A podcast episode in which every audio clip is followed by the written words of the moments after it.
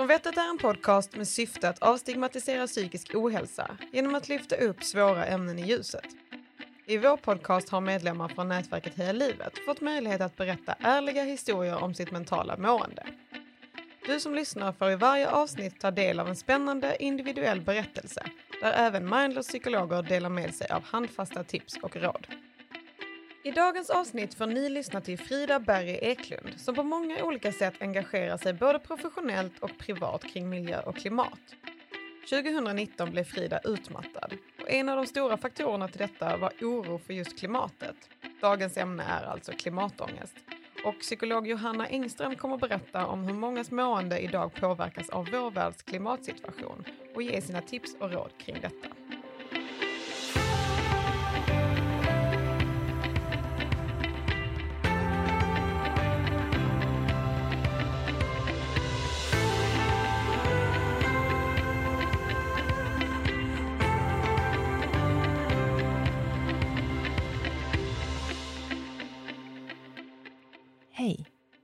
Frida Berg Eklund heter jag.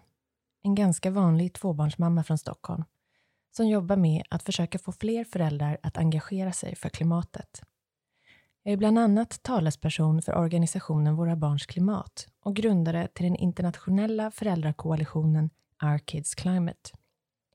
I höstas kom också min debutbok ut som heter Prata med barn om klimatet där jag försökt samla ihop det jag vet om att vara förälder i klimatkrisens tid och hur vi kan prata med våra barn om den viktigaste frågan för deras framtid, klimatet. Idag ska jag berätta om hur det är att bli vidbränd, delvis på grund av ett brinnande engagemang för just klimatet. Vissa kallar det för klimatångest. Jag hoppas att min berättelse kan hjälpa er som kanske befinner er på samma mentala plats där jag var våren 2019. Det här är min historia om utmattning, engagemang och klimatkrisen. Det började en helt vanlig dag på jobbet på den prestigefyllda PR-byrån i maj för två år sedan. I ett möte med en kollega där något gnisslade lite grann, vi var oense om något, kände jag plötsligt hur bägaren rann över. Känslorna tog överhanden och jag kunde inte sluta gråta. Jag kände mig som en urvriden disktrasa. Min dåvarande chef skickade hem mig direkt med order om att vila och jag fick snart därefter en tid hos en psykolog på företagshälsovården. Jag minns att jag tänkte, gud vad skönt, nu kommer jag få lite hjälp i att sätta stopp och prioritera om min vardag. Kanske gå ner lite i tid. Så blev det inte. I mötet med psykologen blev det tydligt att det inte vore någon bra idé att fortsätta jobba alls. Alla utmattningstester slog i taket. Jag blev beordrad att gå direkt till vårdcentralen och be om sjukskrivning, vilket jag gjorde. Jag minns att jag stålsatt mig för mötet, eftersom jag hört om läkare som vägrar sjukskriva. Hur skulle jag orka ta den fighten? Jag klev in genom dörren och möttes av en kvinnlig läkare med ett vänligt handslag. Hon frågade hur det var med mig. Och snällheten i hennes röst fick mig att bryta ihop totalt. Medan jag försökte samla mig började hon knattra på datorn och sa Nu börjar vi med att sjukskriva dig direkt i två veckor. Det var en lättnad. Äntligen fick jag lite andrum. Tre saker står ut från de där veckorna. Vad skönt att någon annan bestämde att jag skulle pausa. Själv hade jag aldrig kommit på tanken. Jag var så van över att vara projektledaren i allt, att bara köra på. Men nu bestämde någon annan och jag kunde dessutom säga att det inte var jag som satt stopp. Det var minsann min läkare. Det kändes mycket enklare i kontakten med dem runt mig. Det andra jag tänkte var, vilken tur jag haft som fått träffa personer direkt som tog min situation på allvar. Så är det verkligen inte för alla. Både jobbet, psykologen och vårdcentralen agerade direkt. Jag brukar beskriva det som att jag tog det i tid. Jag var vidbränd, inte utbränd. Det var tack vare personer runt mig som tog situationen på allvar. Den tredje saken var att jag kände vad lyxigt att få bo i ett land där det ens är möjligt att få sjukskriva sig för utmattning.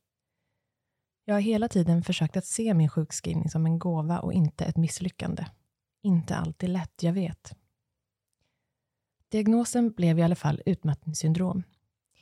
Hos mig yttrade sig som svårt att komma till ro på kvällen. Det kändes som att det surrade i kroppen av aktivitet. Tankarna for. Jag gjorde långa att göra-listor. Kom på nya briljanta idéer. Men jag fick också starka katastroftankar. Framförallt när det gällde barnen. Tänk om det värsta händer. Hur ska vi lyckas bromsa den skenande klimatkrisen? Hur kommer mina barns liv att se ut? Jag fick ryckningar i ögonen. Jag fick svårt att hålla koll på min kalender. Jag la in aktiviteter på fel datum, glömde möten. Jag blev väldigt, väldigt arg. Mitt tålamod med barnen var på nollnivå. Jag kände mig som ett lejon med ett byte att försvara. Alltid redo att attackera. Och när jag var en arg mamma så fick jag också dåligt samvete över det. Det ideella engagemang jag hade i min organisation, Våra Barns Klimat, tog helt överhanden. Algoritmer gjorde att allt jag läste var katastrofnyhet efter klimatkatastrofnyhet. Telefonen var både min bästa vän, för jag kunde jobba medan jag la barnen, men också min värsta fiende. Flödet spädde på min ångest inför framtiden. Skälen till varför det gick som det gick blev under sjukskrivningen väldigt tydliga. I efterhand kändes det konstigt att det gick att hålla på som jag gjorde under så pass lång tid. Vi pratar om minst åtta år. Många års sömnstörningar med två små barn. Den generella familjesnurren av hämtningar, lämningar och fritidsaktiviteter. Ett hektiskt dagjobb och ett brinnande engagemang för klimatet på fritiden. En cancerdiagnos i familjen. Dessutom hade jag under flera år varit ledsagare till en liten familj från Irak som blev runtkastade i det svenska migrationssystemet. En härlig cocktail av orsaker helt enkelt.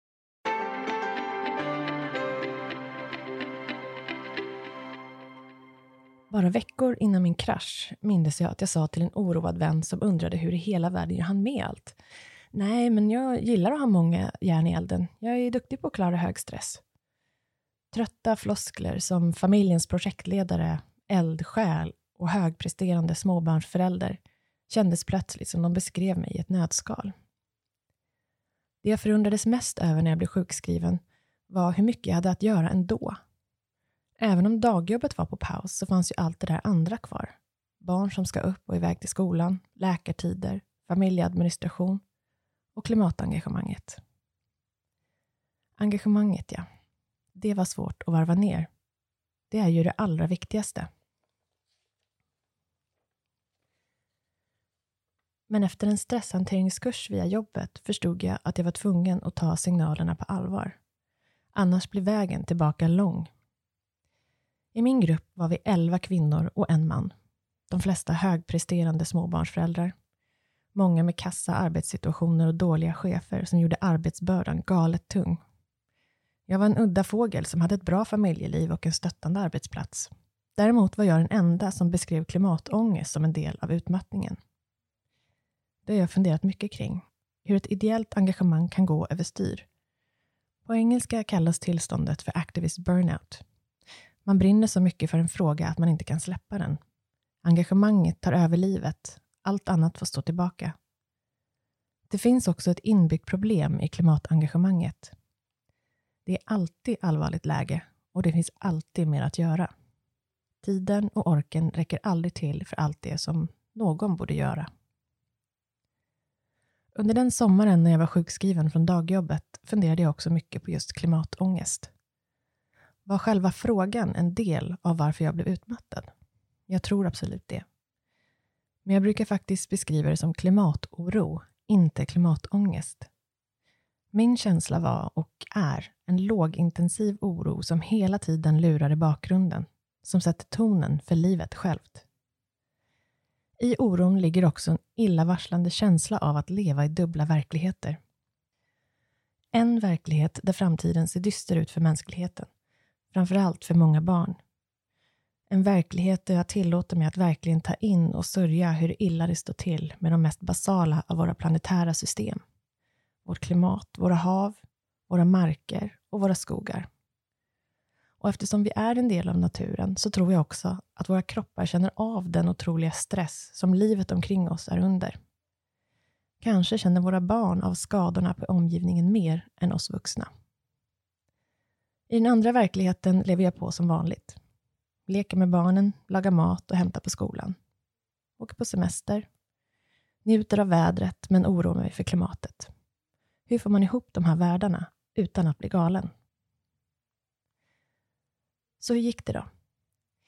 Jag spenderade sommaren med att lyssna på poddar och fundera över förändringar jag behövde göra. Gjorde mycket yoga. Försökte äta, gå och leva långsamt. Efter några månaders sjukskrivning sa jag upp mig på mitt dagjobb för att bli frilans och fokusera på att få in mitt klimatengagemang på dagtid.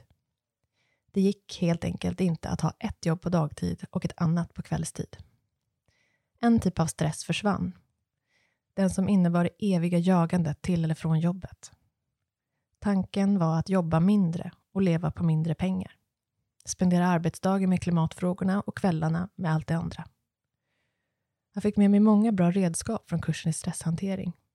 Framför allt när det gäller vikten av att hitta stunder av återhämtning. Några konkreta saker jag gjorde var att bygga in mer luft i agendan för att ta promenader, lyssna på en podd eller båta i trädgården på dagtid. Sätta tidsgränser på telefonen gällande sociala medier och undvika klimatnyheter före läggdags. Börja träna lite försiktigt. Börja tacka nej till förfrågningar, även om de var roliga och viktiga. Friheten i frilanslivet var räddningen för mig. Att själv kunna styra över min tid och vad jag gör med dagens korta timmar. Det är inte självklart alla förunnat att kunna göra det, det vet jag. Så hur mår jag idag? Just i talande stund så har jag känningar av utmattningen igen och jag vet varför. Jag kan inte släppa jobbet och klimatkrisen. Det finns alltid mer att göra. Den tid jag egentligen ska vara ledig och återhämta mig nallar jag på. Tidiga tecken på att jag måste backa nu är sömnsvårigheter, ryckningar i ögonen, svårt att hålla koll på kalendern och att jag blir just en arg mamma som gråter mycket. Det jag har lärt mig är att det finns ingen annan som kan sätta stopp förutom man själv, även om man kunde önska det. Att bara kötta på är en jättedålig strategi. Förr eller senare tar det stopp. Och då är det bättre att försöka mota Olle i grind och agera tidigt. Nu känner jag igen mina signaler och vet att jag måste agera för att dra ner på tempot och fokusera mer på återhämtning. Men det är inte lätt såklart. Jag försöker ge mig själv en klapp på axeln för det jag gör och orkar med. Försöker lyxa till det i det lilla för att ge mig själv belöningar i vardagen. Mitt fredagsbad är en räddning efter jobbveckan. När det gäller klimatengagemanget, ja, då har jag fortfarande inte alla svaren. Det är lite som att ha tagit det blå pillret i The Matrix när man väl vet hur illa det står till med klimatet så går det inte att oveta. Och när man vet så måste man göra något. Engagemang är ändå i grunden något bra, även för vår mentala hälsa. Att hitta ett kollektiv av likasinnande stärker oss och får oss att göra mer. Det lindrar oro. Det gäller bara att sätta stopp på engagemanget ibland. Det sista jag vill säga är att om du också känner en oro för klimatkrisen och vad den kommer innebära, det är bra. Omfamna den oron. Det betyder att vi faktiskt har förstått allvaret och att vi vet vad som står på spel. För djur, natur, men också för oss själva och våra barn. Oron innebär att du har insikten att vända oron till engagemang. Och ju fler vi är som engagerar oss och hjälps åt, desto lättare blir bördan för oss alla. Stort tack för att du har lyssnat på min historia.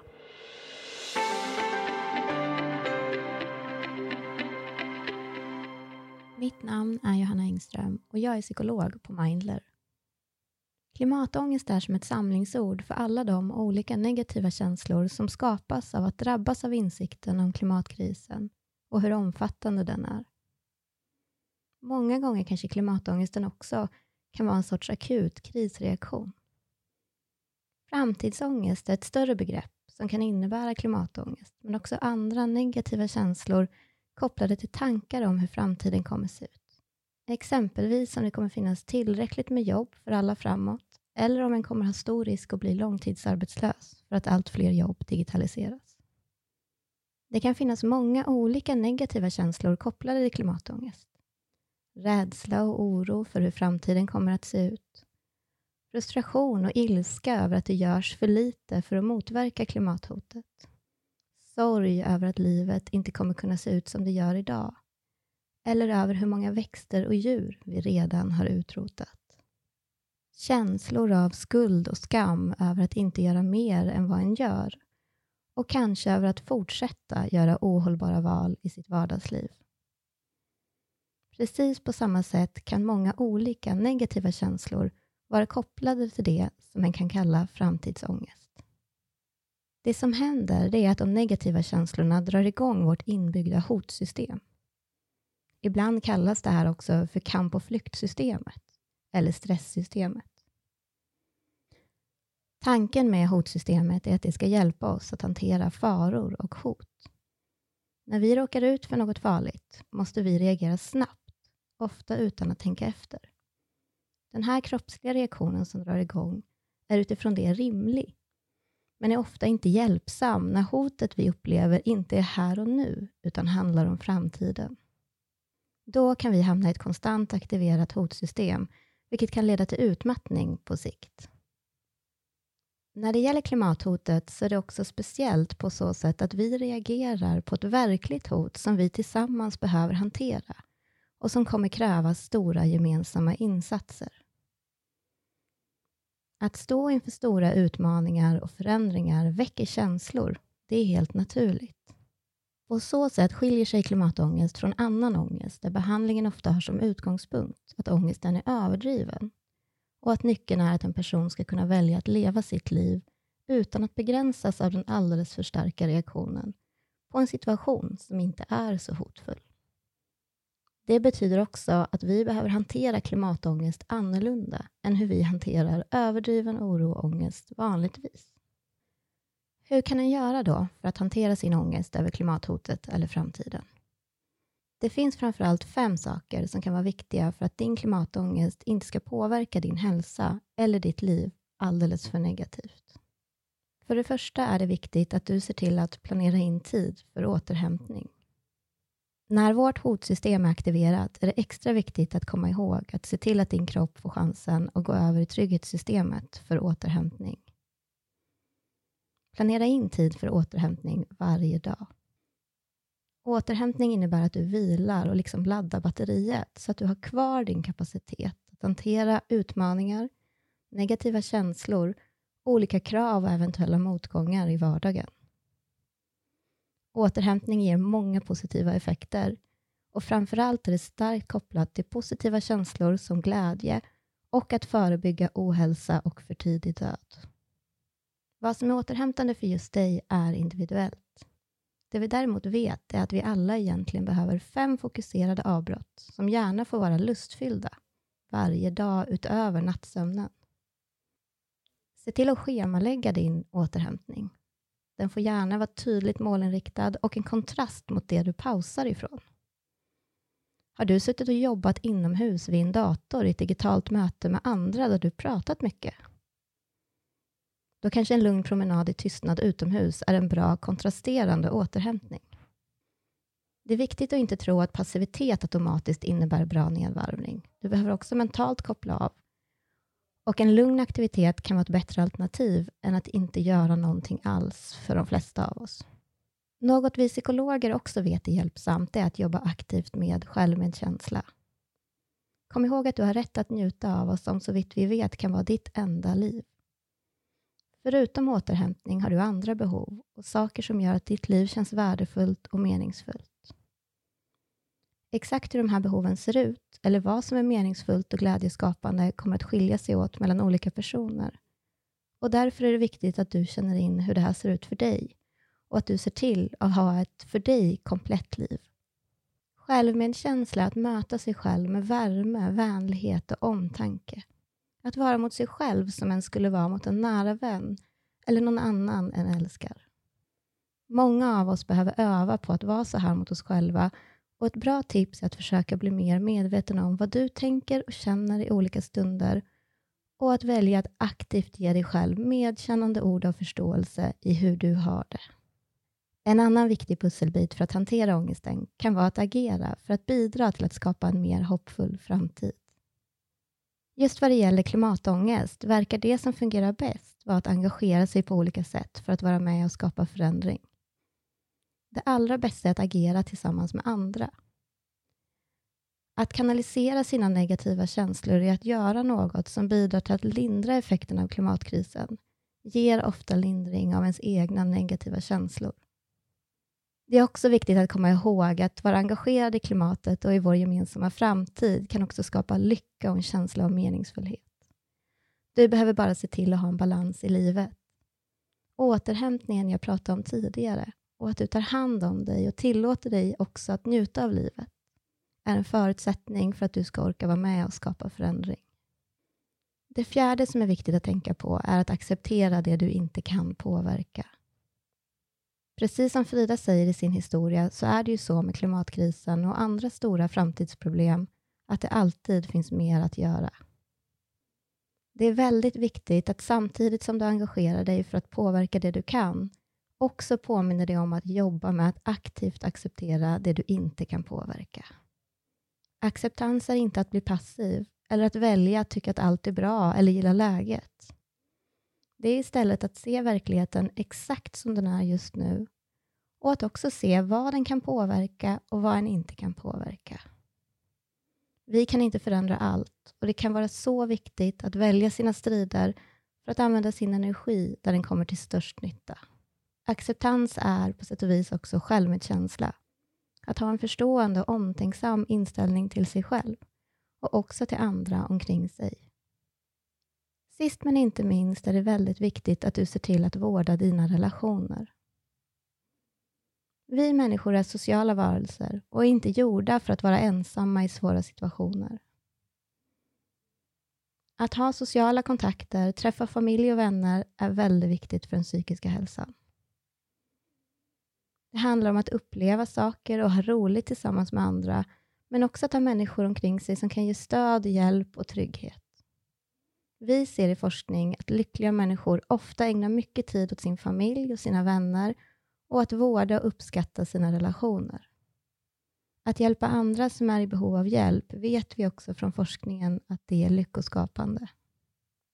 Ibland kan det vara skönt att prata med någon annan än de en känner om sitt mående och sin situation. Och Det finns många föreningar och organisationer som erbjuder råd och stöd i chattform eller över telefon.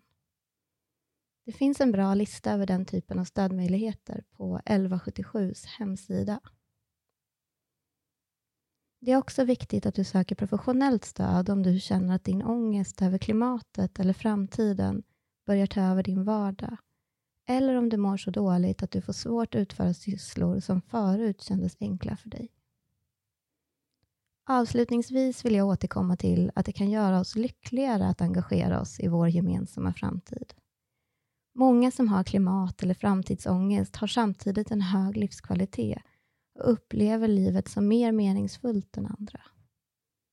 Att vara i känslomässig kontakt med vad som är värdefullt för oss och att leva sitt liv i den värderade riktningen låter oss leva helhjärtade liv och uppleva mer lycka. Och när det gäller klimatet och vår gemensamma framtid så finns det stora möjligheter för oss att tillsammans påverka utvecklingen i en positiv riktning. Som psykolog vet jag vilken inneboende kraft vi människor har och jag är helt övertygad om att vi kan använda den kraften och skapa en hållbar framtid tillsammans. Tack!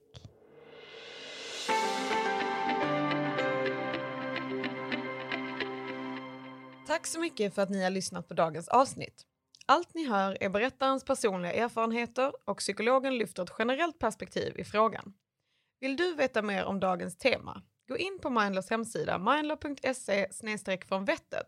Där hittar du mer information och fler tips på andra organisationer för att söka stöd och hjälp.